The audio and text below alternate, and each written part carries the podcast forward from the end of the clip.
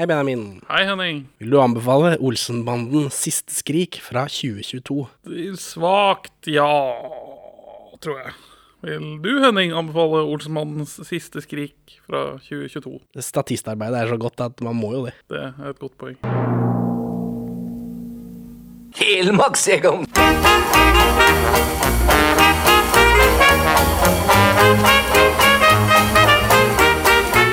Perla for svin.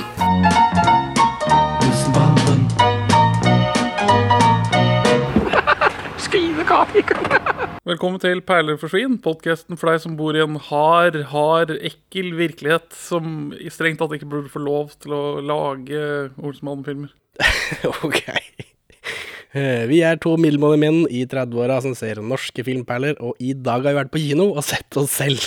Ja, Det er ikke verst. tror du vinner til slutt, jeg. Ja, Vi har vel diskutert dette før, tror jeg. Ja, hvem som er mest med i filmen. Jeg mistenker det. At jeg, jeg har en del sånn Der er deler av kroppen min, og der er deler av kroppen min.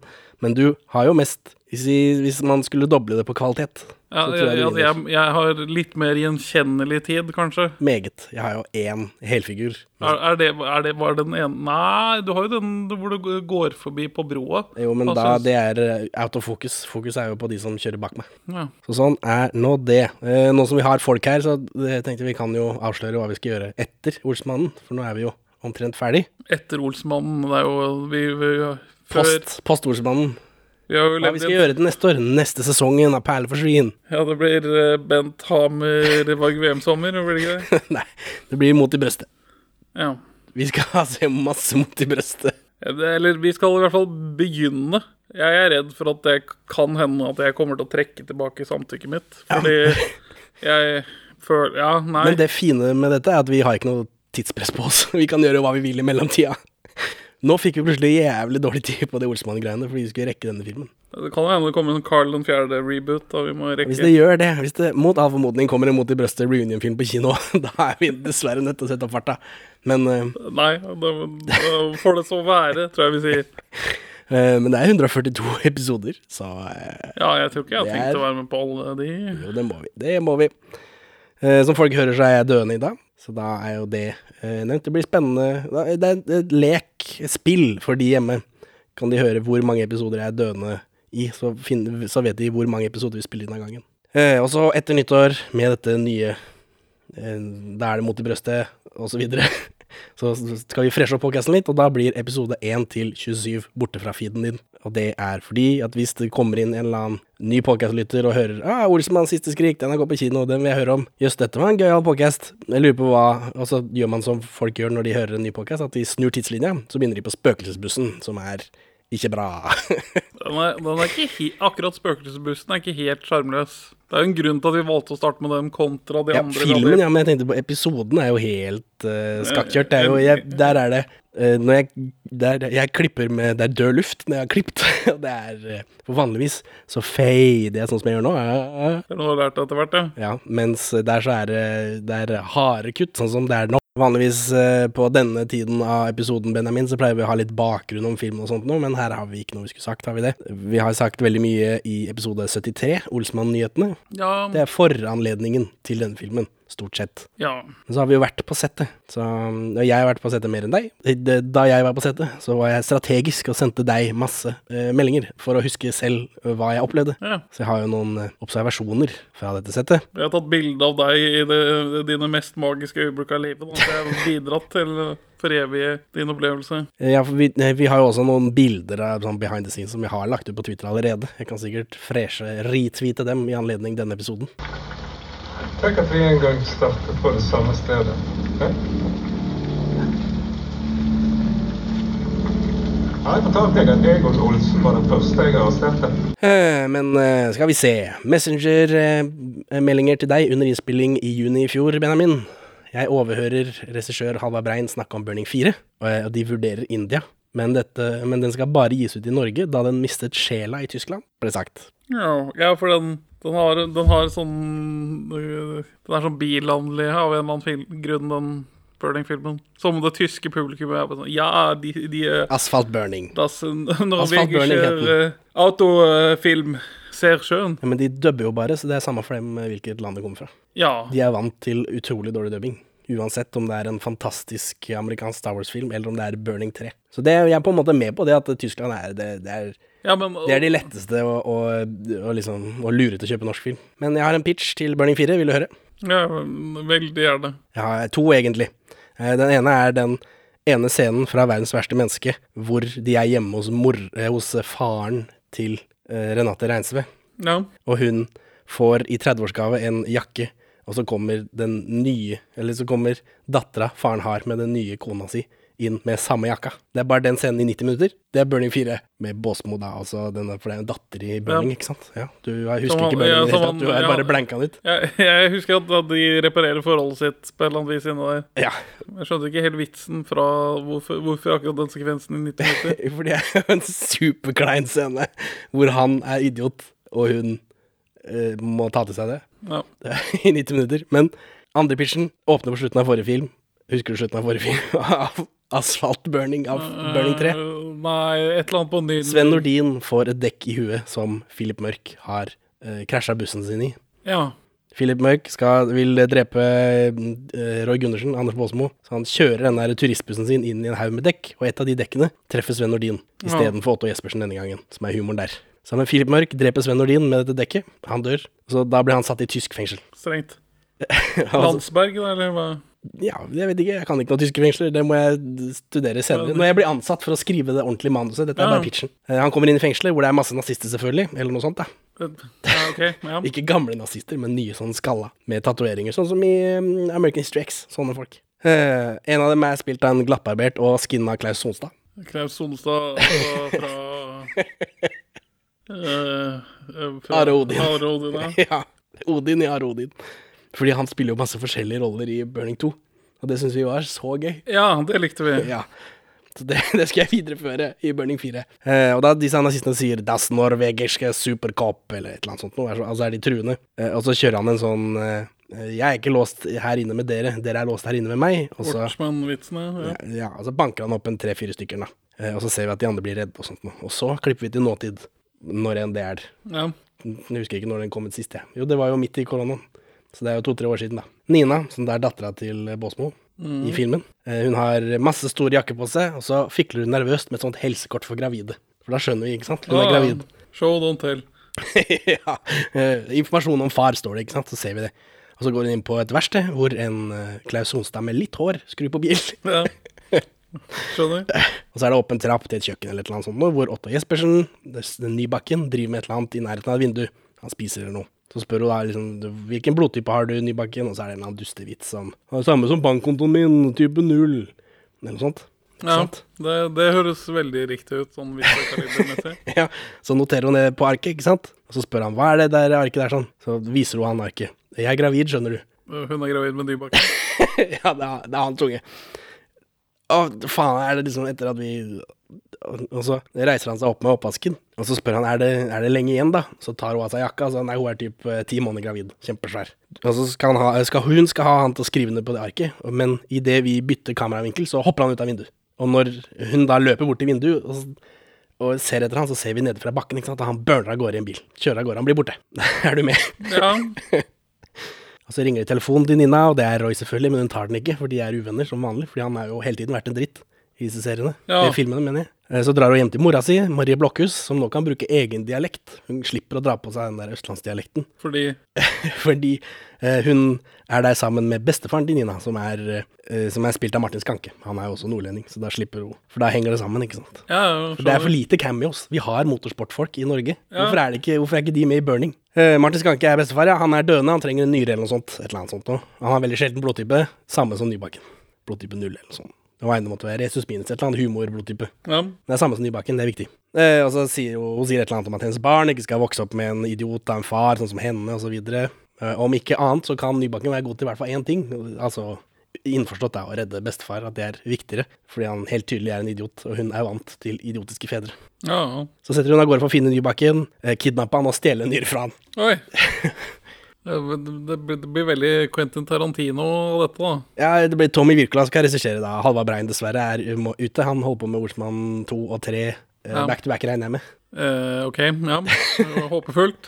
Ja, for det er ikke så mye Roy Gundersen i filmen her, så han har tid eh, Båsmo til å være med på det istedenfor. Samtidig da, så slipper Mørk ut av fengselet i Tyskland. Nå er han jævlig bøss og full av nazitatoveringer. Ja. For han er jo sjefen deres, ikke sant. Han trekker frisk luft. Og så sier han stille for seg selv Roy Gundersen. Og så drar han av gårde til Norge, for han må hjem, da han er jo i Tyskland. Ja. Eh, Han kommer selvfølgelig først til Halden. Der rekrutterer han noen rånere, inkludert Klaus Sonstad med skinnskjegg. Eh, For Mørk kjenner jo alle råkjørere i Norge, så det skulle ikke være noe problem. Nei, å samle sammen en bilgjeng, en motorsportgjeng. Ja, og siden dette er i Østfold, så blir det selvfølgelig Cammy og Henning og Petter Solberg, ikke sant? Ja. Eh, og alle, alle konflikter i Burning-universet løses med bilrace. Så da blir det bilrace opp til festningen i Halden, ikke sant? For, eh, og så tar han, vinner han eh, Philip Mørk dette bilracet, så tar han over eh, gjengen. Denne Ja. rånergjengen. Ja, for det, det har vi tidlig etablert at det er en av reglene i Burning-universet. At Ja. alle konflikter løses med bilrace. Ja, men det, et av problemene med Burning-universet er at bilene er så fine, så de tør ikke gjøre noe med de. Ja. Men dette er rånebiler. De er kjempestygge. De detter fra hverandre hele tiden. De kan krasje. Så nå har vi plutselig en masse biler som vi kan knuse til småbiter. Det, nå kan vi liksom gjøre noe stunts, da. Ja, Istedenfor alle disse fine Ferrariene som de må ta fra hverandre pent og pyntelig og legge i veikanten, og så spille en sånn krasjelyd over. For det har vært kjempeirriterende. Og ikke det man vil. Nei, Nei, altså, dette er jo bilfilm. Må jo krasje også. Eh, Nina ringer Roy, da, fordi hun må, han, hun må finne Nybakken, så hun gjør det motvillig, for hun er jo uvenner med faren sin som vanlig. Ja, hvorfor har hun logget med Nybakken? Det, det er jo opp til henne, det, vel. Hvem hun vil ligge med. Ok, så hun har agency. Eh, Ja, det blir en diskusjon senere mellom henne og, og faren i bilen, da, når de liksom Ja. kjører av gårde. At det, er dette etisk riktig? Og Så vi lar det henge i lufta.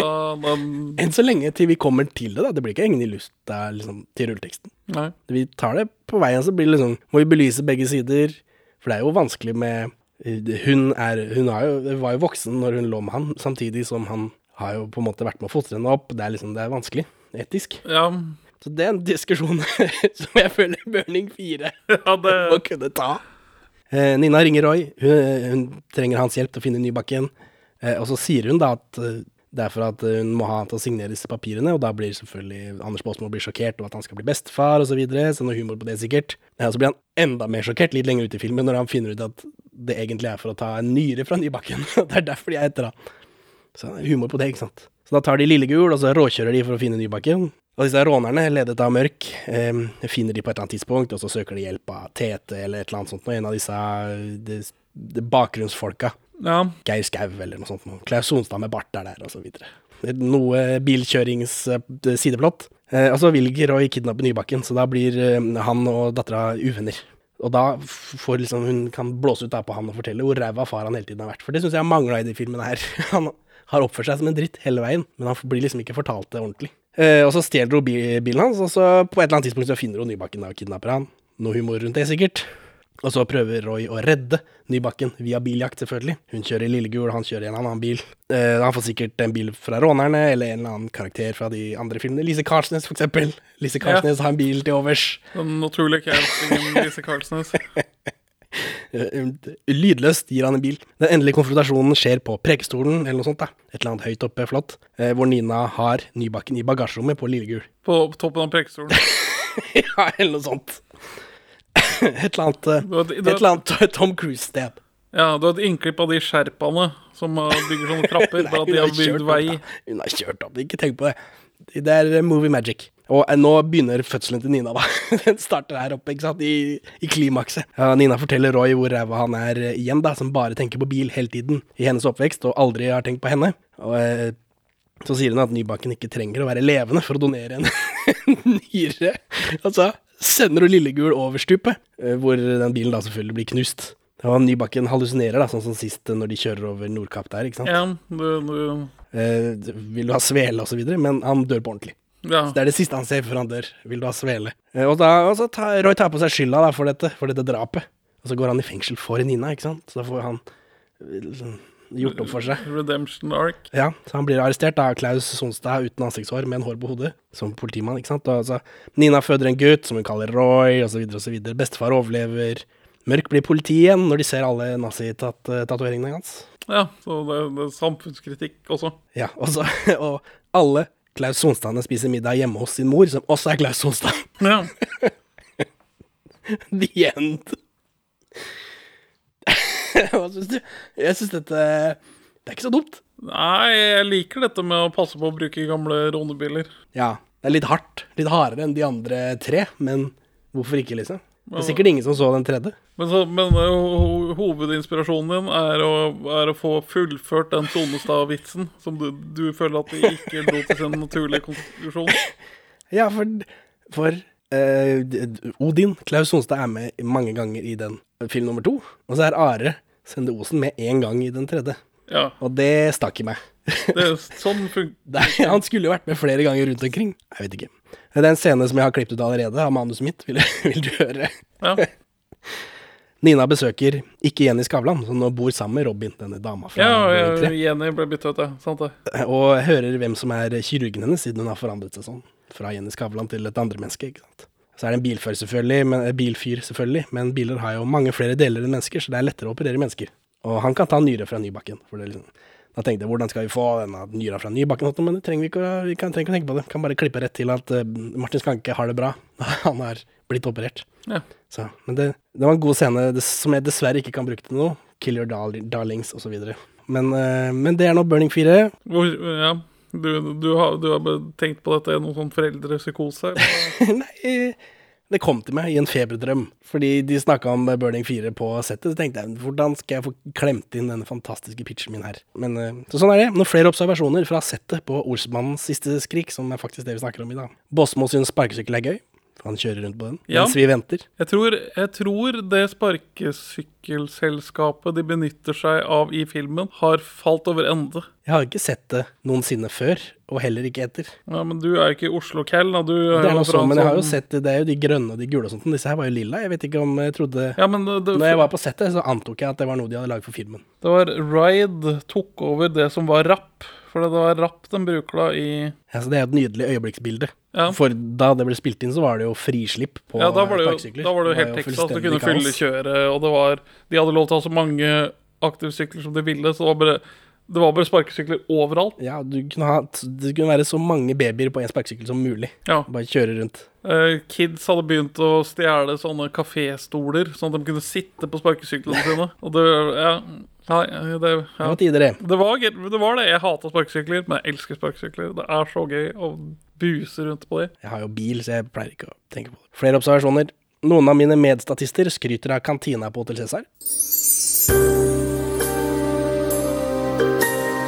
Der hadde de god kantine for statister, tydeligvis. For der, det er jo et eh, godt innøvd sett. Lisa Tønne skriker karakternavnet sitt, men det er vanskelig å høre om det er Betta, et ekte navn, eller Bøtta, et norsk filmnavn, sånn som Bønna. Det viser Ja. seg å være Bøtta. Det viser seg å være bøtta, men du Men jeg var usikker når jeg skrev dette til deg, da. Halvard Brein ble angrepet av en måke i Malibu en gang. Forteller han til noen andre enn meg, selvfølgelig. Men jeg bare jeg plasserer meg strategisk i nærheten for å høre til. Ehm, når de sprenger denne bilen på havna, Ja. så bruker de statister til å holde igjen gangtrafikken, noe jeg motsetter meg. Ja, du, du, I Norsk Smårolleforbund, dere føler at dette er utover deres mandat? Ja, jeg får 1000 kroner dagen. Jeg skal ikke være Securitas. Øh, Om noen kommer forbi da og blir sprengt, er det, er det min skyld, det, da? Ja. Alle ser rart på meg når jeg blir forbanna på dette. Det er ingen andre som, eh, som syns det er rart. Å liksom, å gå fra 'du skal stå i bakgrunnen mens vi filmer' til 'du må holde igjen så ikke folk løper inn her og blir drept'. Ingen som syns at det er litt sånn rart at vi plutselig eh, bytter jobb.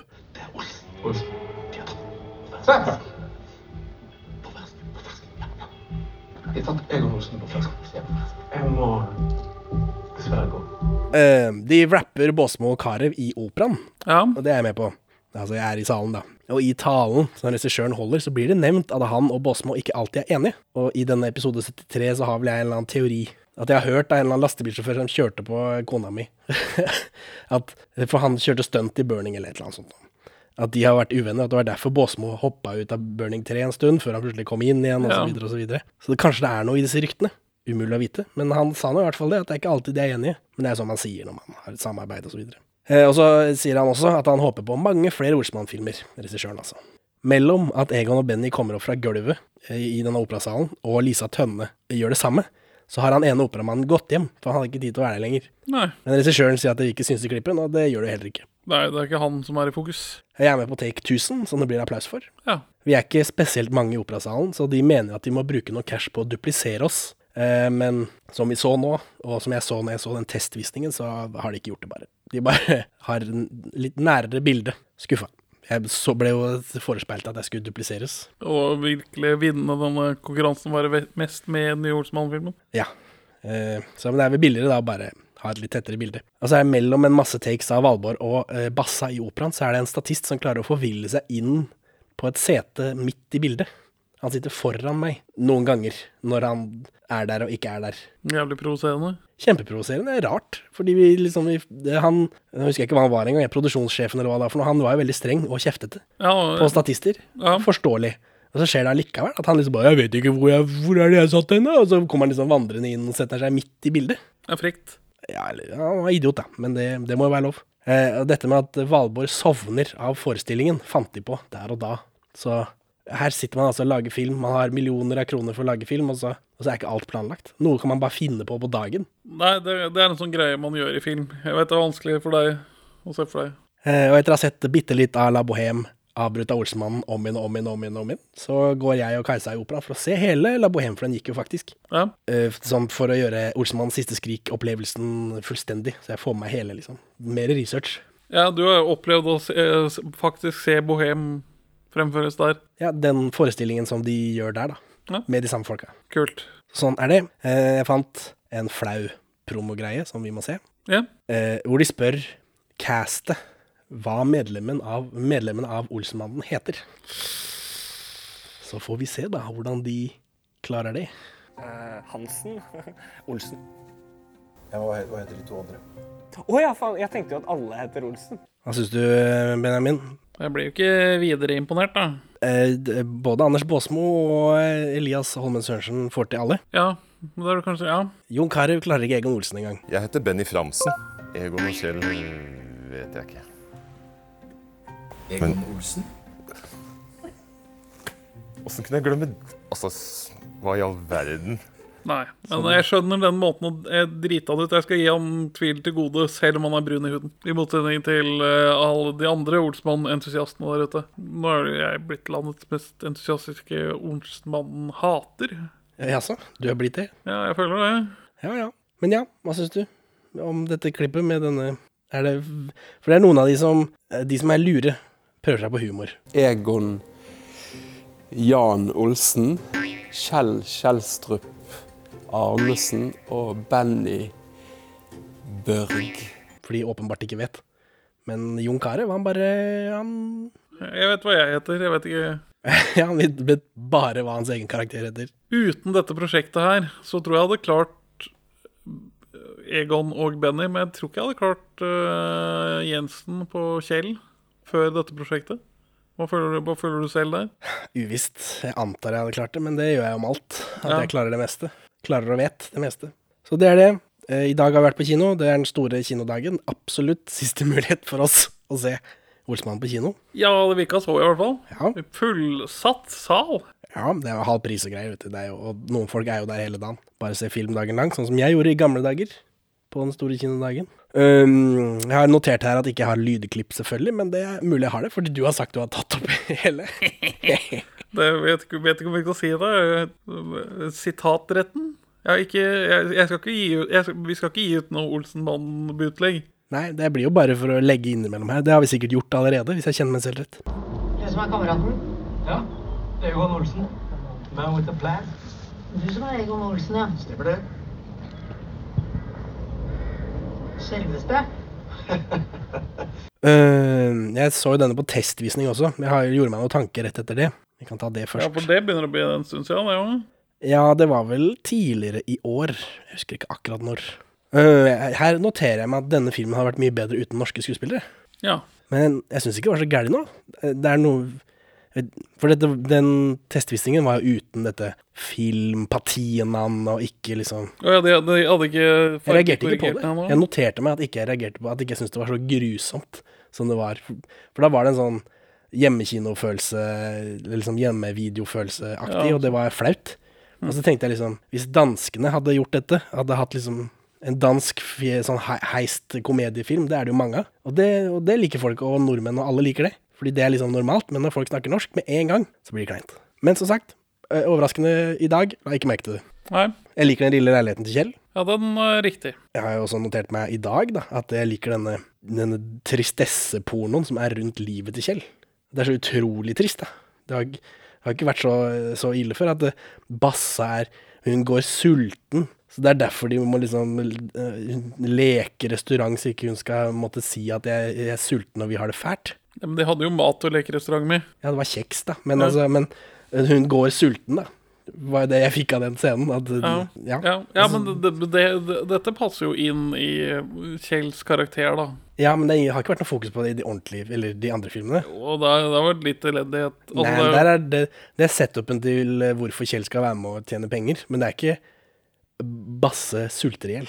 Det, det er ikke liksom den supertriste Jeg har, tror jeg har et par andre ting også som dukka opp, som jeg har notert meg. Ja, men det, det, der er vel, vi har vel skjerma publikum fra de harde virkeligheten til arbeiderklassen. Ja, der, er. Der, der har jo disse Det har de ikke gjort her. Det er kjempefint. Har jo sine egne inntekter og penger. Ja, for, men her også For her virker det I denne filmen så virker det som de eier egen leilighet i Oslo-området. Tenkte Åssen i all verden har de fått det? Men det er jo fordi Valborg har jobb. Hun eh, driver med negler i leiligheten. Så det er jo noe. Digg med cameos. Nei. Kjipt at de blåser gjennom alle så fort, og den brønnen er jo veldig grunnen for dem, da. De har jo De kunne jo benytta Øyvind Blunk, hvor er Øyvind Blunk? Ja, ja, ja for, Hele De har tre sett med Olsmann junior de kunne klemt inn her. for det, det, det er tre cameos jeg ser. Ja, men det er ikke flere. Nei. eh, og det er én av dem som er gjenkjennelig. Ja, ja, ja. Ja. Du må vite hvem de er, hvis ikke så gir det ikke noe mening. hun ene har du sett før. Ja, Kari to- Simonsen kjenner man igjen. De andre to kjenner du ikke igjen. Nei, men, men det, er jo, det er jo easter egg til deg og meg, ikke sant? Til folk som kan dette. Ja, kan, kan vi, er det lov å trash-talke Basse litt, eller? Det, du får gjøre som du vil. eh. Altså, okay. Jeg han er jo bestevenner, jeg har jo autografen hans. vi, Innhentet på settet av denne filmen. vi kommer til Våghals i Bjørvika, han skal, for det er møtested for statistene den første dagen. Ja, det er også der vi spiller inn mye av dagen. Um, og så blir vi sittende der, og det tar mye lengre tid. Selv om de har vært, de har vært superstrenge på at vi skal være tidsnok.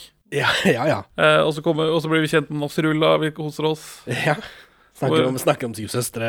Koser oss med Nasrulla, han er hyggelig. Han snakker om når han var med sist, var med i Olsenmannen. Ja, og eh, Karachi, jeg snakker om den. Jeg, jeg så ikke Nasrulla når jeg så filmen nå, men Nei, fordi han er ikke med.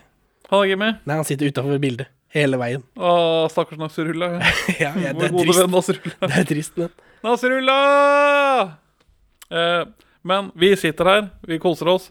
Så, men det er, vi er midt i korona. Folk sitter med maske. Folk er dekka til. Folk kommer med maske. Det er, ja, det er maske på i settet, bortsett fra når man gjør klart å skyte. Så kommer det en gubbe og bare sånn Ja, hvor er det vi skal møte opp? Og så, og så sier noen til han gubben Hva, dere statister kan bare vente her.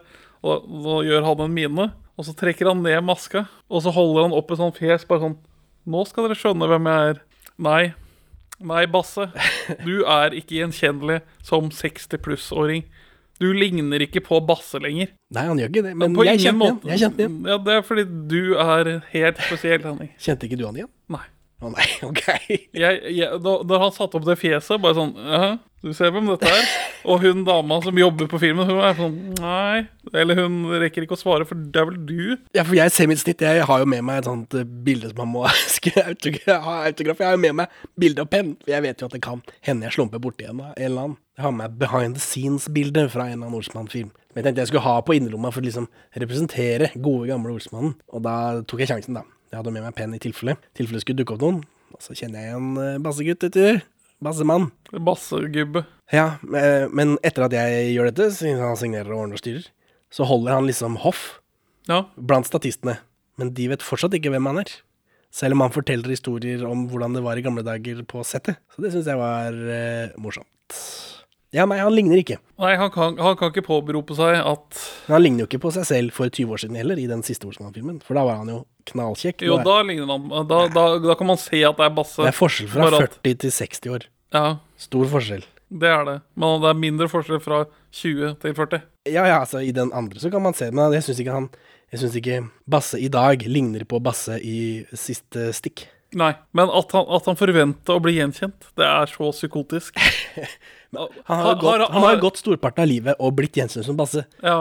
Det er klart, Da burde jo gått Men- over de siste 10-15 åra. Men, men har, har gamle Basse sånn kroppsdysmorfi, hvor han tror at han ser- han ser ut som Basse? Han ser ut som seg selv, det har han gjort hele livet. ikke sant? Ja. I hans hode. Ja, ja. Um, flere notater fra den testvisningen. De oppdaterer det som trengs, syns jeg. Formen og måten det er skutt på, er så annerledes at jeg tenker ikke på de gamle filmene. Eh, Før de begynner å dra dumme referanser, sånn som helmaks. Før de sier helmaks. Da er det liksom Å ja, det var Olsmann-film dette skulle være, ja. ja. For det, fi det fins morsomme eh, heist-filmer, altså heist-komedier. Det fins jo. Det går an å lage det. Klarer oss helt fint uten Olsmann-stempelet. Det her, ja! Ja, her feires det, si. Du fortjener Egon. Gratulerer med dagen. Endelig en ny sjanse til å gå rett på trynet igjen, si. Er vi i Norge klar for en konvensjonell, attraktivt Valborg? Diskuter blant dere selv. Eh, jeg vet, Det funker ikke like bra. Men hun skal vel ha så, så frastøtende personlighet at hun prøver å gjøre opp for det der. Hun var hakket mer maste enn det Aud skjønner er. Fred være hennes minne. Og for øvrig eh, Hun er mer med i filmen, da. I motsetning til Aud Schønemann, som jo bare var hjemme på kjøkkenet stort sett. Ja, hun blir mer med etter hvert, da. En gang iblant er hun med litt, ja, men her er hun jo med mye. Vi begynner å snakke om filmen, da. Denne filmen åpner hjemme hos Egon. Det liker jeg ikke. Nei, det, det er feil. Men gjorde den det også i testklippen? Ja. Men du, eller skal vi bare stoppe opp der? Hvor annerledes er testklippen fra det endelige produktet vi ser nå i dag? Ikke spesielt eh, annerledes. Det er, det, de har ikke endra noe liksom, på pacing, eller det er ikke sekvenser som mangler. Ikke som jeg Det har ikke vært noen reshoots? meg. Ikke som jeg merka meg. Det var jo mye mer green screen, selvfølgelig. Og alle disse drømmesekvensene, hvordan vi skal gjøre kuppet, har jo nå fått et sånt gult skjær. Det var det ikke da. Ja, så bare sånn vi gjør det virkelig tydelig Så folk skal forstå at dette er ikke på ordentlig. Kors på halsen. Jeg merka ikke meg noen store forskjeller, nei. Men nå er det jo lenge siden jeg så den andre. Ja, nei, det var bare det jeg lurte på. Ja, øh, ja denne startsekvensen her, den er hjemme hos Egon. Og De må det, etablere denne mannen du ser nå, i bowlerhatt og dress, er Egon Olsen. Og måten å gjøre det på, er å vise skiltet på døra hans hvor det står Egon Olsen. Og en masse sånn papirer fra politiet som han har ramma inn hvor han slipper. for dette finnes det jo ikke noe som helst presedens for. Det eneste, Nei, han har jo- ikke leilighet. Det eneste stedet vi Eller eh, det ble jo på dette bordellet, da, i den første. Ja, samtidig så føler jeg ikke at det er eh, Jeg vet ikke om han får posten sin dit. Det, ja. Jeg vet ikke, Han har ikke fast adresse. Nei. Men her er det. Han har jo eh, navnet sitt på døra. Det er tydelig at han bor her. Det er her han residerer mellom fengselsopphold. Men ved å da bryte med det gamle mønsteret, etablerer vi at dette er et nytt take på Olsenmann-universet. Er det det vi gjør? Ja, det kan være det. Ja, se, det går an å gjøre noe nytt. Ja, ja. ja. Hvorfor kan de ikke bare åpne i bilen der, da? Starte i bilen hvor de sitter. For eh, og her eh, det- Kari Simonsen er vaskedame i gangen. Ja. Så her får vi første cameo. Og Kari Simonsen, Star Power. Folk kjenner til Kari Simonsen. Eh, Og så skal de jo kuppe en Frans Jæger. Det er greit å få dette Frans Jæger-pengeskap-greiene unna tidlig. Jeg tenker på Aliens Aliens. Ja, Du er kjent med den? Den har vi tidligere snakket om i podkastene. Ja, Den åpner med en drømmesekvens hvor det kommer en sånn chestburster ut av Ja. Eller det er, ganske tidlig er det en sånn eh, drømmesekvens. Og da, da er vi ferdig med det, trenger ikke det mer. Så da er det ikke mer av det i filmen. For da har det liksom Det forventer folk å se, vær så god, nå kan vi begynne den historien jeg har lyst til å lage. Og det gjør de her også. Det er ikke, noe, det er ikke mer safe. Det er ikke safe som er historien. Nei, men de henviser til det flere ganger. da. Ja, ja, men, det er, men her får du For du må ha talkum, hansker osv. Og, sånt, og det har du ikke i resten av filmen. Men det, du må ha det med i denne nye Olsmann-filmen. Ja. Det brenner i her. Ferdig. Eh, Alle er fornøyde. Og så er det jo, Lurt. eh, og så er det jo kommer du, ikke det ikke unna å se denne filmen uten å disk, diskutere konseptet produktplassering. Nei. For når Det er vel noe vi har merka i Burning også, hvis jeg husker riktig. Ja, at det er ikke bare rumper i setene som betaler eh, Fyller eh, produsentenes lommer med penger. Nei, det er en og annen, et og annet produkt også som skal plasseres. Og eh, i gamle Olsmannen så var jo Frans Jæger et fantasiprodukt.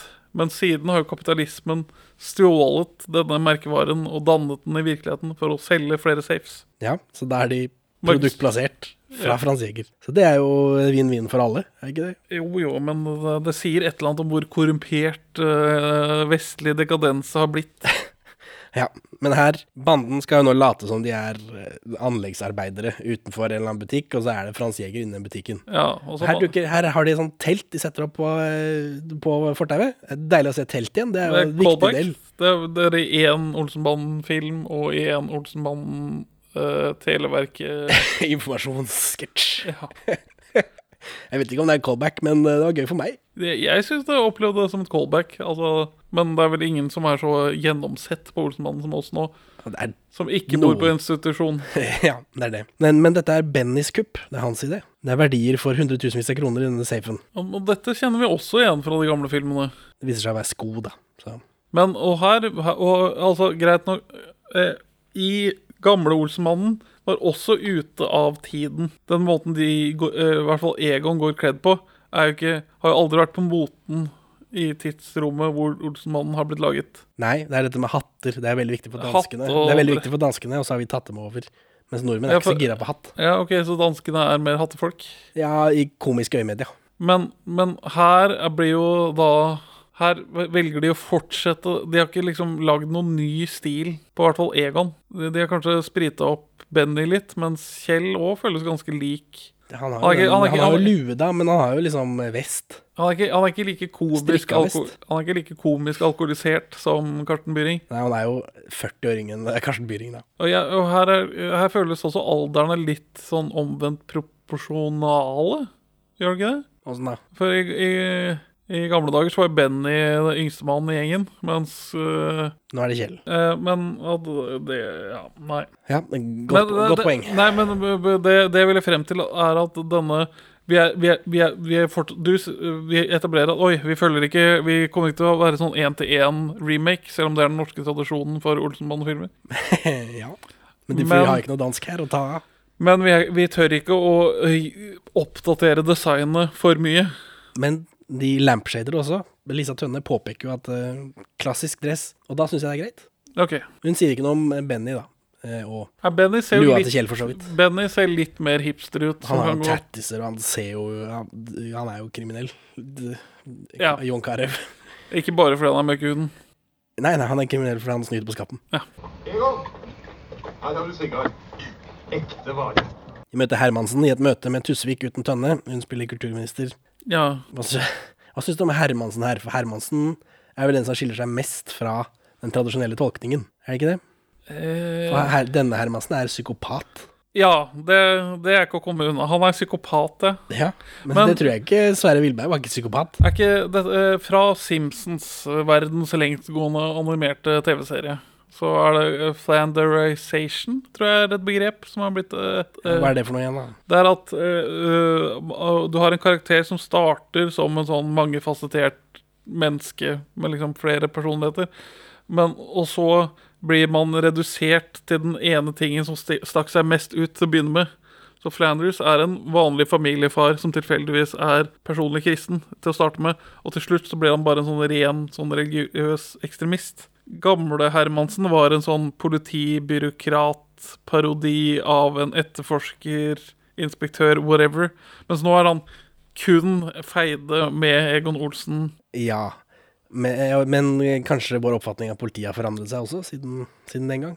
Være, vi har vel inntrykk av at de er litt mer aggressive nå enn de var på 80-tallet. Altså, de var jo det da også, men inntrykket i befolkningen på 70-tallet, Ja, Olsen, i motsetning til i dag når Olsenmannen Vi først hadde, vi hadde jo ikke mobilfilming eh, på 70-tallet. Nei, vi, vi ser dem ikke klå på folk så mye, og, eller og De Må slipper jo jo sjekke under pungen hvis det er narkotika der. Det er først på 80-tallet politiet blir tatt for at de bare denger folk uten god grunn. Ja, men det tar, seg, tar litt tid da å innarbeide det i folkesjela. Men denne, hva syns du om Hermansen som psykopat? da? Er det bedre? Dårligere? Jeg, jeg, jeg liker introduksjonen av han og Holm, men så ble jeg litt sånn oppgitt etter hvert. Jeg, jeg, Kred for han til eh, ikke Sverre Wilberg. Hva heter han igjen? Vidar Magnussen. Vidar Magnussen. Kred til han for å gjøre rollen til sin egen, men det blir litt vel sånn barnefilmkarikert igjen, da. Ja, hva, hvordan vil du han skal være, da? Vil du han skal være en ekte psykopat? Nei, bare Men nei, at Og altså, her får vi da filmens mest konkrete callback til de tidligere Olsen Mann-filmene. Og det er jo at det etableres at Egon Olsen og Hermansen har en langtgående feide. Ja, han er blitt arrestert 14 ganger. Hmm, det matcher jo tilfeldigvis med et annet tall vi kjenner til her, gjør gjør det ikke det? Det er jo 14 filmer, da. Men ikke 14 arrestasjoner. Han er blitt arrestert mange flere ganger enn det. Ja, og så slipper de unna noen ganger og sånt. Men jeg tror de har valgt, de har valgt tallet 14. Selvfølgelig. selvfølgelig. For, eh, for dette kuppet går selvfølgelig skeis. Disse klovnene på bakkeplan de klarer å sette fyr på det teltet. Og så start, da går sprinkleranlegget nede i kjelleren der med denne safen, og da kommer Hermansen. Og Egon er allerede oppgitt med de fordi at han har blitt lurt på at det er 100 000. For han finner bare sko der inne. Og det, det skal jo da understreke at Egon Olsen er ute av tiden som karakter. For det er nå allmennkunnskap at Sko er jævlig dyrt. uh, sneakers Spesielle type sko. Ja, det vet folk. Protokoll for uventa alarm gjennomført. Objektene sjekket ingen avvik. Dere kjører risset foran publikum, foran svinepelsene. Tusvik og Tønne i denne filmen. To sett med podcastere i denne filmen. Ja, det Jeg føler de kanskje får litt mer uh, Ja, men de har flere lyttere enn oss også, så det er bare rett og rimelig. Ja, det er sant. Sånn proporsjonalt sett. er det, ja, det er proporsjonalt til Vi skal ikke se bort fra at mm, I hvert fall jeg er med mer i filmen enn Tusvik. Ja, det kan være. Og vi må utvide denne sammenligningen vi skal kjøre ut på Perleforsiden YouTube-kanalen.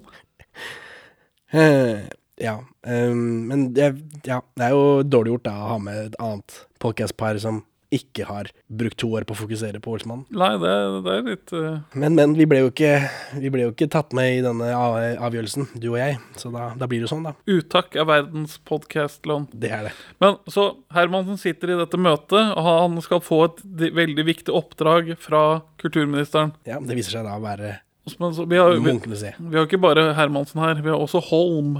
Holm, ja. Hva syns du om denne intetsigende Holm-karakteren?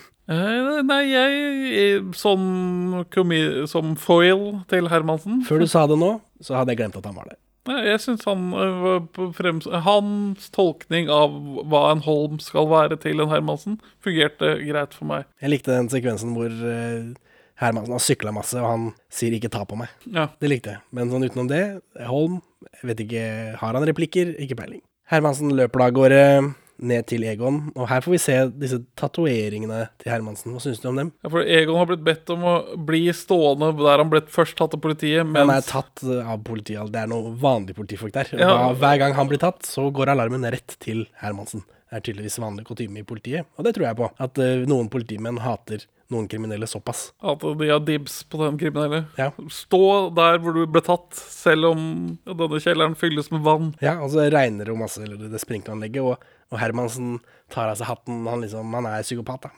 Det syns jeg var gøy. Ja, for det er jo, det er jo en helt ny Hermansen. Tatoveringene, hva syns du? Eh, Jeg, jeg som veldig opptatt av andre verdenskrig, får, jeg får en litt hangup på hvor han har valgt å ha tatoveringene hen. Og bare hele, hele det konseptet. Ja, det konseptet er vel mer det jeg tenker på. Men, mm, ja vel. Ja. Nå, Benny har jo tatoveringer, hvorfor ikke? For hvorfor ikke Hermansen? Det etableres seinere at Egon var den første Det var liksom den første skurken. Ja, de sier det her. Uh, Hermansen påpeker at de, kom opp, at de kommer fra samme sted, sier han. At de, og da tenkte jeg de, har de vokst opp sammen? Er det en sånn film? Ja, Men uh, nei.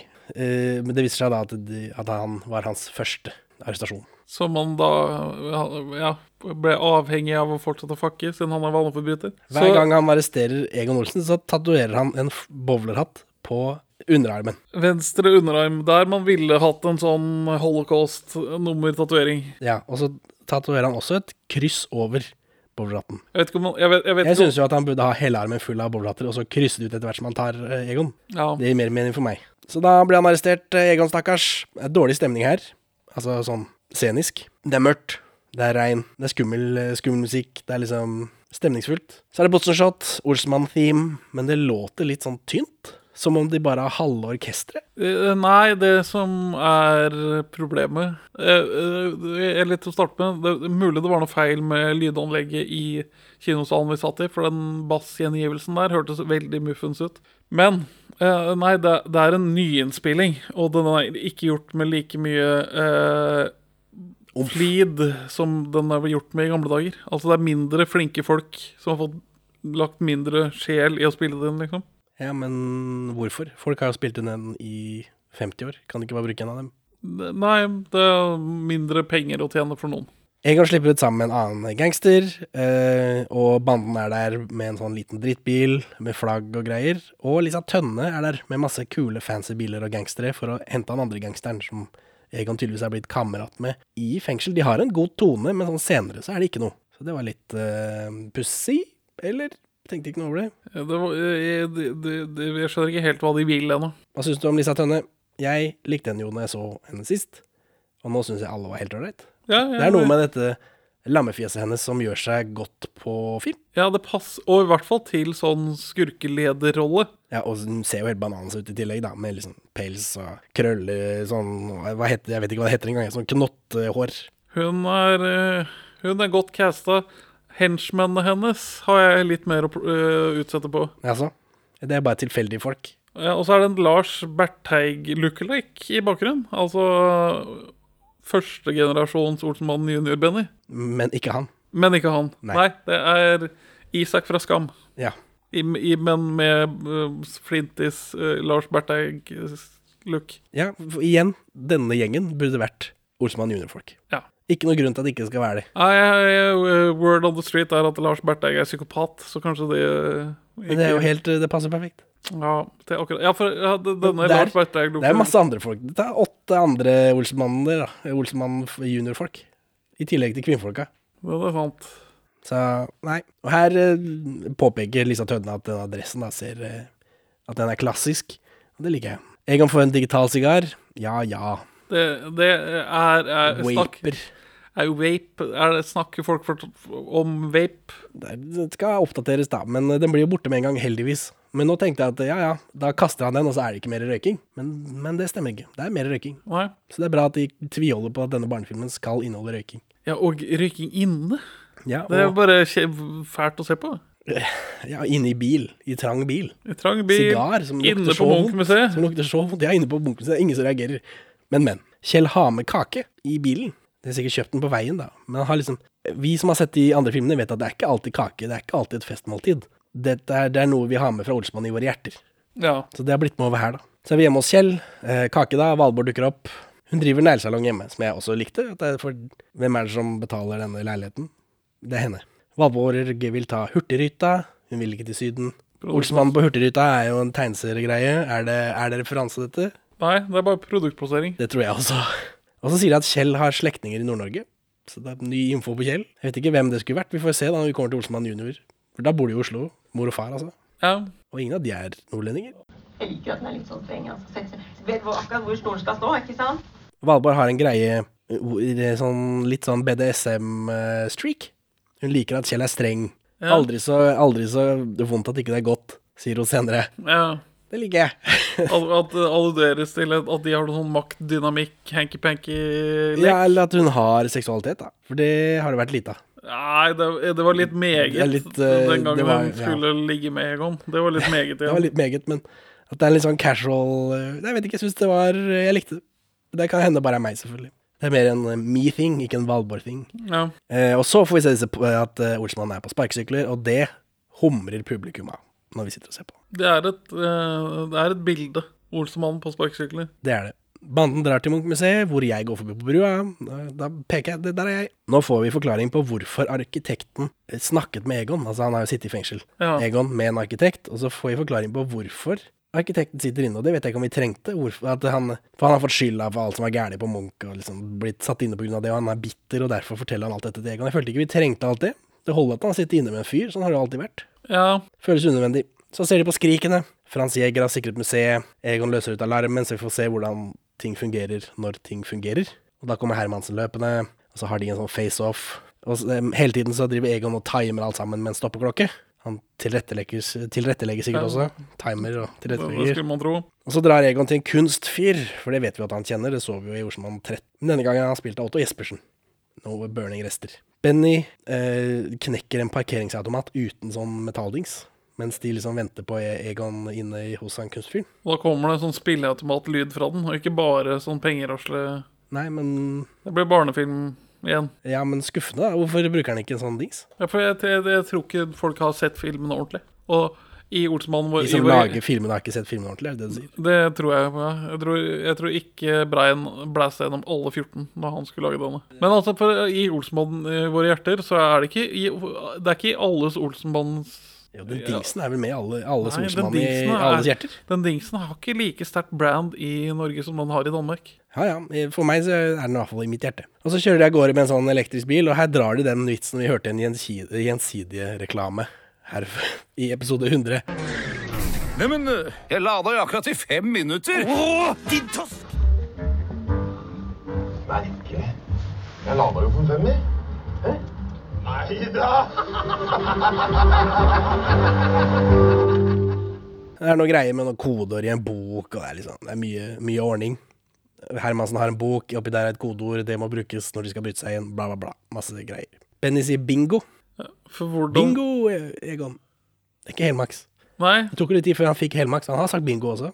Jeg vet ikke, er det, er det referanse for meg? er det intensjonelt? Hvem er det som er på manus på denne filmen? Han heter et eller annet dumt. Det sier de i den der eh, episode 73. Det er samme fyren som har lagd Fjols til fjells remaker, han lager bare remakes. Kullu? Kullu, var det det? Det var et eller annet teit. Ja. Manusforfatteren på Olsenbandens siste skrik er Karsten Fullu. Og her får vi en sånn drømmesekvens når de planlegger. Eh, Altså, de forteller hvordan planen skal gå, og så får vi dette gulskjæret, og så får vi se dette bartetrynet ditt på vågås Vågals der. Jeg sitter og spiser, så man får se meg sitte og gofle i meg halvlunken salat. Planen er å ødelegge en søyle, og så ha Egon inni en falsk søyle, som de da plasserer der hvor den andre sto, inne på Munchmuseet. Og så skal de ta maleriene, og så rømmer de ned over i operaen, hvor de som ballerinaer rømmer opp gjennom scenen. Ja, for det, scenegulvet. for det er rester av eh, Når de bygde Munch-museet, så fant de rester av gruvedrift. Gruvedrift i Bjørvika. Så det det er grunnen i Bjørvika, Benjamin? Dette har vi snakka om i Verdens verste menneske. det, det er bare leir og dritt. Så man må liksom bore sånn 30 meter ned før man kommer til en hard berggrunn. Det er veldig lett å drive gruvedrift i bare leire. Da. Det er bare å skuffe det ut. Trenger ikke å sprenge Og det, og det holder seg jo tett i saltvann Ja, ja. over århundrene. Men, men. I denne drømmesekvensen så dukker Edvard Munch opp. Hva syns du om det? Eh, Jeg, Nå er det lik- fantasy. jeg likte det, men det eh, Altså, har de en felles eh, hallusinasjon, Kanskje. alle tre? Jeg vet For, ikke. fordi Benny og Egon de driver jo og interagerer med hverandre i drømmesekvensen når de Ja, for de viser hvordan det skal gjøres. Og så, når noen andre som er i rommet hvor dette blir fortalt, bryter inn, så dukker de også opp i denne sekvensen. I Men- drømmesekvensen. Men er dette da en endelig Men hvor kommer Munch fra? Er dette- Han er heller ikke sikker på hvordan han uttaler etternavnet sitt. Det syns jeg var gøy. Ja, det, det er en bra vits. Er dette den endelige bekreftelsen på at spøkelser fins i Olsenband-universet? For å dra det tilbake til flere episoder hvor vi Ja, dette. jeg føler jo at det er etablert allerede. Vi har ikke sett det, men Egon Olsen tror på spøkelser. eh, Nei, han vet, sier Han- han. ja. Han vet. Han tror ikke han vet. Så jeg føler at det er etablert, ja. Ja, så, så han er bare en sånn ghost talker? Er det, er det første gang vi er inne i hodet til Egon Olsen og ser han interagere med spøkelset? Det er første Sånn- gang vi er inne i hodet til Egon Olsen, i Ja, hvert fall. og da ser vi han, så Egon Olsen i de andre filmene Han driver og snakker med spøkelset hele tiden uten at vi vet det. Det kan hende. Gamle Det- Frans Jæger, snakker inne Ja, det er jo Det er sikkert sånn han har lært det, Frans Jæger-greiene. Ja. Og de han sitter inne med. Sikkert dæven. Det kan hende at det er I see dead people. At han sitter inne med en masse døde folk. Det er sikkert en del spøkelser inne på botsen der, i disse mørke cellene. Alt dette er utstyret de trenger da, til dette kuppet, skal de ha på kreditt, for kreditt er bedre enn penger, bla, bla, bla. Så her er det noe gjenkjennelige greier. Og så må de leke restaurant med Bassa, fordi hun er så sulten. Men denne, denne kreditten Veldig overraskende om det ikke kom en sånn klarna produktplassering. Det satt jeg og venta på. Ja, Nå skal vi gå og få kreditt fra Mastercard. ja. Kan jeg kalle deg Edvard? Helst ikke. Munch. Eller er det Munch? Jeg, jeg, jeg vet sannelig ikke lenger selv. Eh, eh, Det er ikke så enkelt. Jeg får det til å se enkelt ut.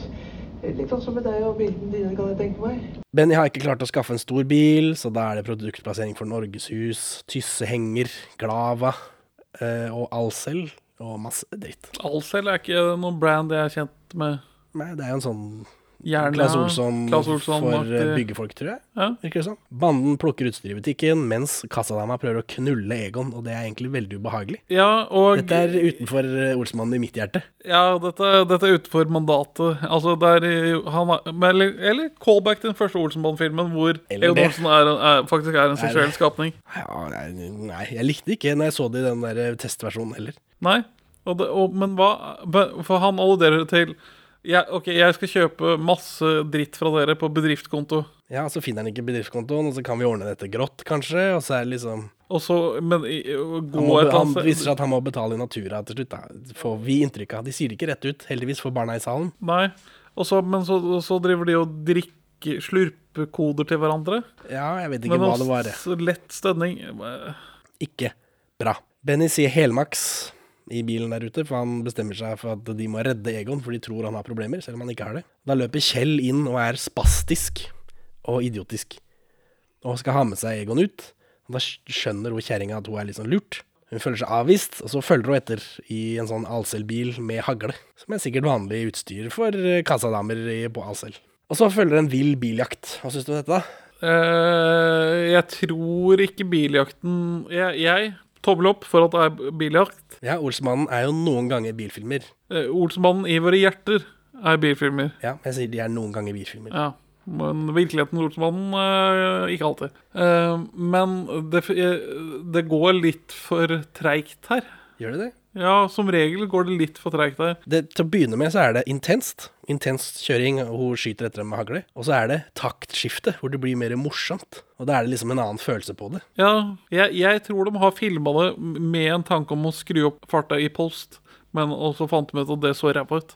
Basert på hvor jævlig seigt det går i en del av disse klippa. Det tenkte jeg ikke over i det hele tatt. Men kanskje av dette taktskiftet, hvor det skulle være morsommere enn det skulle være intenst. For det begynte ganske intenst. Og, og politiet blir med på jakta, men jeg tror politiet hadde prioritert å ta ut Jo, men dette den bilen med Hermansen, hagla. Hermansen er bare interessert i Egon. For de blæser forbi Hermansen ved Ringen kino, så han tar en sykkel, og så følger han etter. Og jakten går forbi Stortinget, liksom, det går gjennom hele Oslo, egentlig.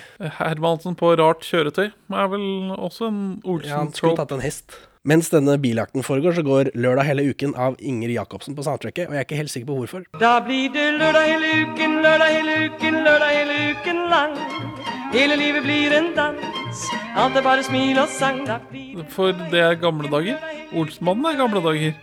Tenk på gamle dager, tror Det er en veldig jovial låt, da. Men, Ja, jeg- men når var det du hørte den sist, liksom? Jeg, jeg er ikke sånn uh, MGP-fyr sånn som du er, så jeg har ikke hørt denne låta før. jeg. Den er heller ikke med MGP, NGP, men hun er en MGP-dame, selvfølgelig, som alle gamlinger. Men du, for du har, du har denne låta i din referanseramme. Ja, selvfølgelig. Hvorfor det? Vet ikke. Hvorfor har du hørt den? Eneste jeg hører på Spotify, er podcaster. Mens når jeg skal høre på musikk, så setter jeg på YouTube. Så da starter jeg med Wenche Myhre, vær så god, play, og så player den bare videre, og da kommer det opp. Søstrene Grene og Inge Jacobsen. Og... Men hvorfor det? Fordi du liker det? For det er flott. Det er den musikken du liker? Oh yeah. lørdag helt til neste gang. De får gjemt seg på kaia til slutt, da, hvor jeg er Securitas-vakt utenfor bildet. Og så eh, sprenger Benny denne bilen med hjelp av Harry, så jeg får en referanse til Harry. De sier jo ikke Han sier jo ikke at det er broren hans. Han kaller han ikke Dynamitt-Harry, som har skjedd i noen av disse andre. Så um, vi får se da hvilken hudfarge Harry har, når han Ja. først dukker opp. Her er Egon forbanna, da, så han gir opp, og så drar han til bøtta for å få hjelp. Eh, og i, i denne villaen til bøtta så dukker Geir Skau opp. Han er også en sånn burning rest. Ja. Det var Geir Skau, det, ja. Og så er det noe First Price popkornproduktplassering.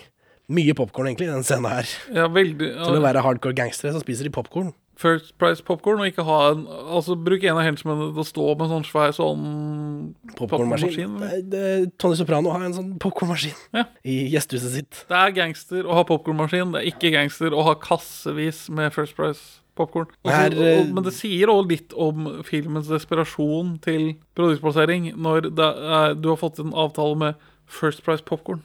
Jeg vet First Price Popcorn er et produkt det blir solgt masse poser av, men jeg visste ikke at First Price brukte penger på markedsføring i det hele tatt. Nei, ikke jeg heller. Så det er bare sånn, ja, for 250 spenn. Men at en film allierer seg med popkorn, er jo Det gir mening for meg. Du Ja, kunne alliert seg med M også. M-sjokolade. Filmsjokoladen. It's midnight, and the moon is up.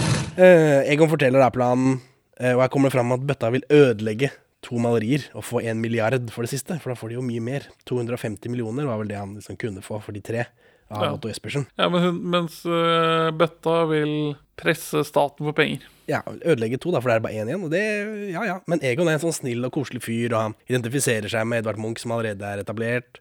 Han har, han han har jo spøkelset han i hodet. Ja. Så, så han liker jo ikke dette.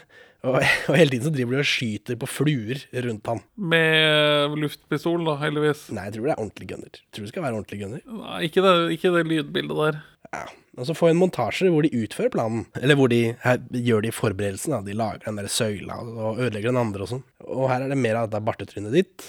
For jeg er, jeg er både i drømmesekvensen og virkelighetssekvensen. Ja. Det er ikke dårlig. Det er ikke dårlig. Det er ikke alle forunt. Så er vi hjemme hos Kjell. Her sitter Benny og Kjell og sturer. Eh, om Valborg kjefter. Det er bare for å etablere at de eksisterer ennå, og er triste. Egon tar plass i denne søyla da, og gang gangsterne plasserer søyla, for de har ødelagt den gamle. Og så får vi se Egon liksom skille, skille, chille inn i denne søyla, men alt er ikke som det skal. Nei, det The Art of Misdirection. Ja, ble du overraska? Ja, litt. Ja, det ble disse barna som satt ved siden av oss også. De ble veldig overrasket. For bøtta har lurt han, og han blir nesten drept av en gravemaskin, for han er satt på en sånn byggeplass bare. Som Kjell og Benny.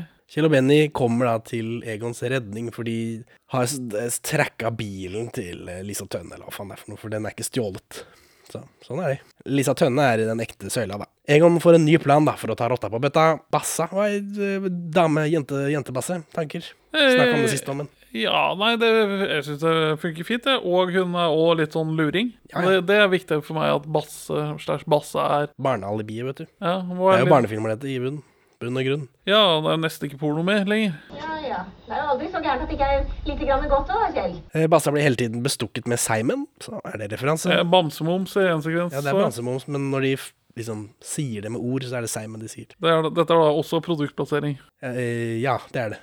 For det har jeg sett i butikken, faktisk. Men det er også callback til den filmen hvor Hermansen tilbyr Basse Seimen, og så tar han alle seigmennene, og så roper han at eh, en stygg mann Mor, mor, en stygg mann, og så løper han av gårde. Til å være barnefi- de, at de gamle filmene liksom er barnefilmer, så er det overraskende mye referanser til overgrep mot barn. i.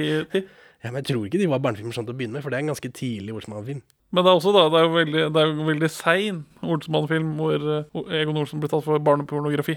Det er sant. Mor, mor! En stygg mann med Simon! Banden drar til operaen, da, hvor vi ser ryggen min når, de, eh, når forestillingen starter oppe i antasje der. Banden tar på kostymer på dametoalettet, som ballettkostymer, hvor de blir avbrutt av en rar dame som ikke fører til noe. Hva var dette? Her kan dere ikke være. Nei, vi skal være med i i forestillingen. Ja, men dere kan ikke være her. Og så går det ikke bare. Hva var det? Jeg, jeg, bare skal komme en sånn transvits nå, er det det? Ja, var det frykta selvfølgelig, at dette var noe menn i dameklær-vitser, men det var ikke det. Nei, det var bare sånn, nei, dere kan ikke være her. Hvorfor? Hvorfor ikke det? Og så går hun. Ja, eller, men hva var dette? Det, det var bare at det, det er kleint at de står der og skifter, men hvorfor gjør de det på dametoalettet og ikke på herretoalettet? Nei, de har gått feil, da. Svanesjøen er avlyst. Det går eh, La Bohème i stedet. Planen iverksettes. Tønne kommer seg ut av søyla midt på natta da. Nei, på morgenen er det. Valborg og Bassa er på forestilling, og jeg sitter øverst i venstre hjørne. Kjell klubber ned en gangster med stump vold, som er en veldig biffen ting å gjøre. Stump vold i våre ordsmannfilmer. Olsmann-filmer. Ja, mot denne um, Isak fra Skam, Flintis-psykopaten som ikke sier noe som helst, men gjør sånne eh, slemme Får mye oppmerksomhet og er veldig rar. Ja. Så blir han slått i hodet, og så detter han ned i en eske. Så, så er det vel over for han. Men Kjell slår ned en fyr. Ja, det, Dette er for å prøve å drepe Egan, sier han. De prøver liksom å rettferdiggjøre det med det. Men jeg vet ikke om det hjalp. Nei, det, Olsmannen er en ikke-voldelig gjeng, bortsett fra én gang. Jo, jo. Men det som skjer nå, er jo at uh, Lisa Tønne tar disse maleriene, og så blaster hun av gårde. eh, og så går hun ned i denne gruvegangen. Og siden Olsmannen allerede har for vane å slå ned folk, kan de ikke bare drepe henne nedi der, da? Ta maleriene, skyte henne. Jo, da Kvelo. Bra, bra. Kaldkvelo. Men det gjør de altså ikke. Når Hermansen ser at alle skrikmaleriene er borte, så gjør han et skrikansikt. Macaulay Culkin. Ja. Macaulay Culkin-ansikt. Ja, altså, for Skrik, et av de mest gjenkjennelige motivene i hele verden. Enig. Ja. Men eh, at det er så mange av dem, det føler jeg ikke er like allmennkunnskap. Nei. Men her blir det bare tatt for gitt. Ja, at alle At alle vet det. Det er fire. Tre Ja. på norske hender. Og ett på private. Yes. Når du driter deg ut, så må du tørke deg sjæl. Jo, da må du tørke deg sjæl! Tønne ofrer en gangster som setter seg fast i rulletrappa. Når du driter deg ut, så må du tørke deg sjæl. Så hun er beinhard. Hun er beinhard. Eh, og Egon stjeler disse maleriene i denne gruvegangen, men de slår ikke ned bøtta eller tar livet av henne eller sånt noe. Hermansen jager etter, men han er opptatt av renommeet sitt også. Så det er liksom Presten må ikke få vite, og så videre og så videre. Eh, og så kommer de til den der La Bohème-forestillingen som de hadde håpet og trodd var Svanesjøen. Ja, for da Hvor det skulle være en eldgammel ballerina i et egg, og hun døde vel her. Hun døde øh, på et par dager siden, bare. Ja, for det er her vi sitter nå, da. Så det jeg, jeg, jeg var ikke kjent med henne før hun døde. Ikke heller. Men det, det ble laget en NRK-reportasje om henne i fjor eller året før der igjen. Guinness rekordbok sto det. Ja, Eldste ballerina i verden. Men, men. Nå er hun død, men før hun døde, så rakk hun å være med i en Olsenmann-film. Det gjelder jo deg og meg også. Før vi døde, så rakk vi også det. Heldigvis. Men ja, så La Bohem har ikke denne plattformen senker opp og ned. For denne gruvegangen i operaen, den er bare tilknytta dette området under scenen. Ja. Hvor, som kun kan kommes til via plattform. Så da må Bassa eh, lage en distraksjon, og så gjør hun det, og så får Kjell da senka dette gulvet. Ja, for hun synger. Ja. Da måtte vi snu oss rundt, og så måtte vi se overrasket på henne. Sang hun for dere der? Det var en annen dame. Ja, annen dame. Altså, shots av oss som reagerer, var en annen dame som sang 'Hurra for deg', eller noe sånt noe. Ja. En produksjonsassistent. Men når det skulle gjøres, så måtte hun jo selvfølgelig gjøre det. Når det var hun som skulle filmes. Ja, Så du har sett, du har sett Denne sangen eh, live, ja, det har jeg. Ok, for den hørtes veldig sånn eh, ADR-aktig ut. Å ja, nei, hun sang, men det, det er jo ADR allikevel. Den første sekvensen nedi der med regnet og Frans Jæger og sånt, og da jeg så den på testvisning, så var det ikke lyd. Nei. Det er sånn man lager film, er ikke det? Jo, jo, jeg kjente meg dette. Hengerobber! Ja, men banden kommer seg opp, og så kommer bøtta etter, og Hermansen etter der igjen, så Hermansen klarer å fange bøtta. Men Olsmannen kommer seg unna. Ikke noe stress, null stress, joggedress. De triller ut i en kasse. Kjell er sånn stagehand som triller av gårde i en kasse. Problem løst. Bøtta blir dratt av gårde og arrestert. Der står jeg i trappa, der får vi helfiguren min. Nydelig. Egon tar med seg disse maleriene til kunstsamleren, men der er Hermansen. Ai, ai, ai, åssen skal dette gå? For Og han har med seg masse presse, Fordi enn så lenge så vet ikke pressen at maleriene og Og er, dette, er, er dette, er dette et Olsenmann-callback? For dette har vel skjedd før? At Hermansen kaller inn pressen når han tror han skal løse en sak, og så løser han ikke saken. Det, Dette- det kommer, jeg kommer ikke på det, men han driter seg ut hele tiden. Men det, akkurat dette her har jo skjedd i en tidligere Olsenmann-film. Det det? At han kaller inn til pressen for å vise at å, nå har vi tatt dem. Ja, ja, ja. I den eh, Kongen og Knekten så gjør de det flere ganger, vel. Ja. Det er NRK er jo der. Det er noe NRK Gjøn. Eh, men ja, det er feil maleri da, viser seg. Egon har lurt han. Nå ser Hermansen dum ut. For Hermansen fant ut at Egon var der fordi at han hørte Bassa og Valborg snakke om det mens de gikk ut av operaen. Eh, nei, Hermansen sier bare at eh, jeg bare sjekka hvem du satt i fengsel med. Ja, men nei, jeg, jeg fikk vite at du var på operaen i går. For det Ja, ja. hørte han fra Bassa og Valborg. ja. Og så sjekker han hvem han har sittet inne hvilke kunstsamlere han har sittet inne med. Og det er bare sånn ja, for det, det, det, Nå går det litt sånn radig i svingene sånn kontinuitetsmessig. Nå Ja, må ikke denne podcasten, da. Nå må man følge med. Ja. Nå må man følge med. Nå må man følge med. Jeg viser seg at det er feil maleri, og i dette, mens han Hermansen driter seg ut, så utlyser han en dusør på ti millioner kroner. Og akkurat når han har gjort det, så ringer politisjefen, for da har Bassa funnet og levert disse maleriene. Eh, og hun får jo da disse ti millionene, så nå er de millionærer, eller hva skjer? Ja, for er, men Dette her skjer jo i den første Olsmann-filmen med denne Kaiser-oppsatsen, gjør det ikke det? Jo, der er det, men det, det er ikke ti millioner. Der er, er det Birger. Birger, ja. Birger Ikke Basse. som får finnerlønn. Ja. Men finnerlønn er jo prosentfesta i norsk lov. Ja, ja, Så du får jo ganske 10% gromme av, eh, summer. Den, Av, altså, Munch, av skriksverdi. den 10 mil finnerlønna, det kan du faktisk ta politiet i retten for, for det er faktisk for lavt. Ja. Men er, er dette bare en soft reboot? Er det bare masse greier fra den første filmen? Til den slutter med det samme som den første filmen? At uh, Birger slash Basse leverer tilbake tjuvgodset? Å ja, nei, de har ikke tenkt på det sånn. De har tenkt hva kan jeg gjøre for å lage en film? Og så setter jeg, jeg Karakteren heter Henrik, heter han hovedkarakteren, og så har han bare viska ut det, og så har han skrevet Egon. Jeg tror det er det. Det er ikke noe sånn at de har, at, de har tenkt Å, den slutten her, den tar jeg fra den filmen, og den eh, midtscenen der, den tar jeg fra den filmen, det elementet der tar jeg derfra. Det er ikke det vi ble enige om tidligere i denne podkasten. At, det- at dette Simon er ikke et callback. Ja, jeg vet ikke. Jeg, jeg, jeg ble usikker når jeg, når jeg innså at det samme skjer i slutten av, av den aller første. Ja, men Operasjon de som har skrevet dette, vet ikke det. Hvordan skal de få tilbake disse maleriene, da?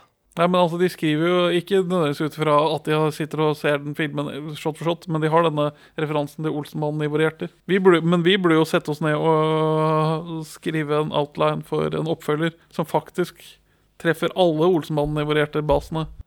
ja. Det, hvis de produserer Burning 4 først, så skal jeg, da skal jeg ta, ta meg bryet. Sitter dere her og ser på ballet? Er ikke det litt perler forsvinne? Hæ? Eh, men Egon blir arrestert for det der greiene med hun dama fra Asel. Asel. Alsel? Alsel. Alsel. Eh, for hun er jo eh, handikappet blitt, hun sitter i rullestol, har knekt armen. Han der, han stjal ting fra butikken. Banden facetimer til Egon i fengsel for de er på Hurtigruta. De, Basse har da berga leiligheten til Kjell, Og jeg- investert resten i neglesalongen til Valborg, og tatt det med på hurtigrutetur. Men det ble sagt på en sånn måte som at pengene vil bare bli borte hvis man investerer det i neglesalongen til Ja, det gir jo mening hvis vi skal lage flere filmer. Ja, men er bare sånn rent sånn praktisk hvordan det fungerer, det lurer jeg på. Det var det. De seiler da inn i solnedgangen, som i den tegneserien regner jeg med. Referansen til tegneserie. Ja. Mens eh, Otto Jespersen kommer, setter seg ned ved siden av eh, Anders Baasmo. Og da får vi frampek til neste film, som skal handle om Nazi-sølv. Da blir du glad, vel? Ja. Men det er jo også da, det er jo callback til en av de mest profilsterke Olsenmann-filmene. Ja, ja, selvfølgelig. Du er med på det? Ja, ja. De er ikke helt løsrevet fra de gamle, det her. Nei, men sånn eh, hurtigrute, ikke callback til tegneserie. Og så har vi notert hvor sure folk er fordi at man har gått ut og remaka Olsmannen. De som har lagd filmen, har notert, notert det, ja. Så da får vi en veldig lang tekst om en stor takk til Knut. Ærbødig takk til Arve Oppsal, Sverre Holm, Karsten Byring, Aud Schønemann og Knut Bovim, som har underholdt oss, bla, bla, bla. Et eller annet. har Skapt dette fantastiske Olsenmann-universet. Ja, ingen ord, ingen ord om de danske. Nei. Som jo strengt tatt har skapt dette fantastiske Olsenmann-universet. For det ingen, ingenting i Norge er nytt under solen. Nei. Så går det en Olsenmann-rapp over rulleteksten.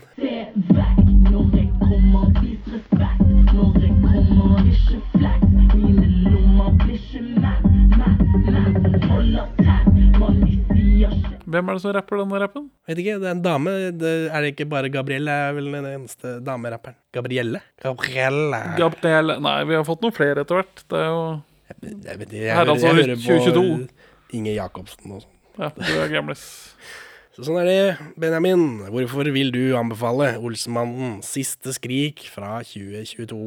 For det, selv om det for det meste er forferdelig produktplassering, så er filmen en helt OK Olsenbanen-film. Så Henning, hvorfor vil du anbefale denne Olsenbanen-filmen? Fordi dette er en helt ok heistkomedie.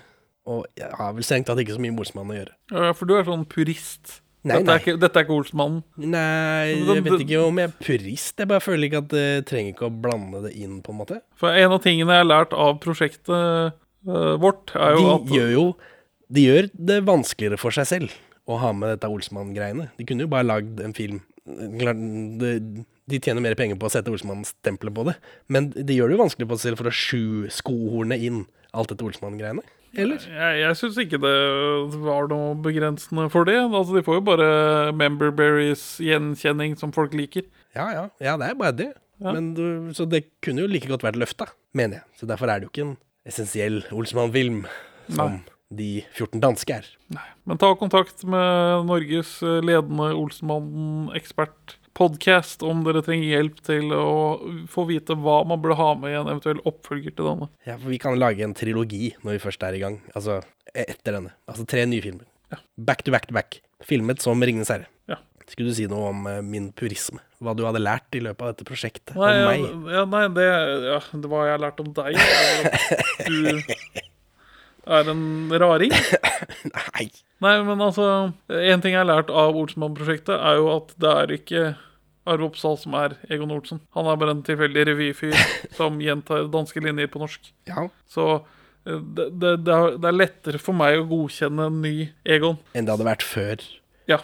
Ja, ja, ja. For, uh, for Egon Olsen i mitt hjerte, Arve Oppsal, er en helt annen fyr enn det hvordan Arve Oppsal har vist seg til å traktere rollen når man sammenligner han direkte med den danske originalen. Ja, ja. For han er jo den dårligste. Jeg er anti-Arve. Ja, det er vanskelig å si noe imot det. Det er vanskelig å komme på noen eh, argumenter mot det. Og det er jo dette intervjuet på TV som virkelig liksom Ja, da snudde du veldig i episode 100, hvor Arve Oppsal har en ekstremt dårlig dag når han blir intervjuet av Pål Bang-Hansen. Uh, juxtaposed med, med Biffen, da. Ove Werner Hansen, som sitter der eh, og er en jo, jo, jovial danske. Og superkarismatisk.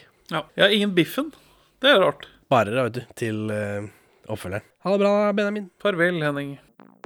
Takk for at du hører på Perler for svin. Du finner oss først og fremst på perleforsvin.no, men også på Twitter under perler-for-svin, Facebook som perleforsvinpod, eller du kan maile oss på perleforsvinpod at gmail.com. Gi oss gjerne en eh, rating i din lokale podcast-avspiller, og, og legg igjen en beskrivelse, så folk skjønner hva det er for noe tull vi egentlig driver med. Her er ukas Pål Bang-Hansen-sitat ute av kontekst. Kan du garantere at du ikke blir mer Olsenmannen hvis noen lurer deg? Det kan de ikke lage uten meg, så det, da blir det noe helt annet i tilfelle. Jeg vil synge en sang. Jeg vil synge en sang. Lappa meg over ryggen på den skulle på maskerade.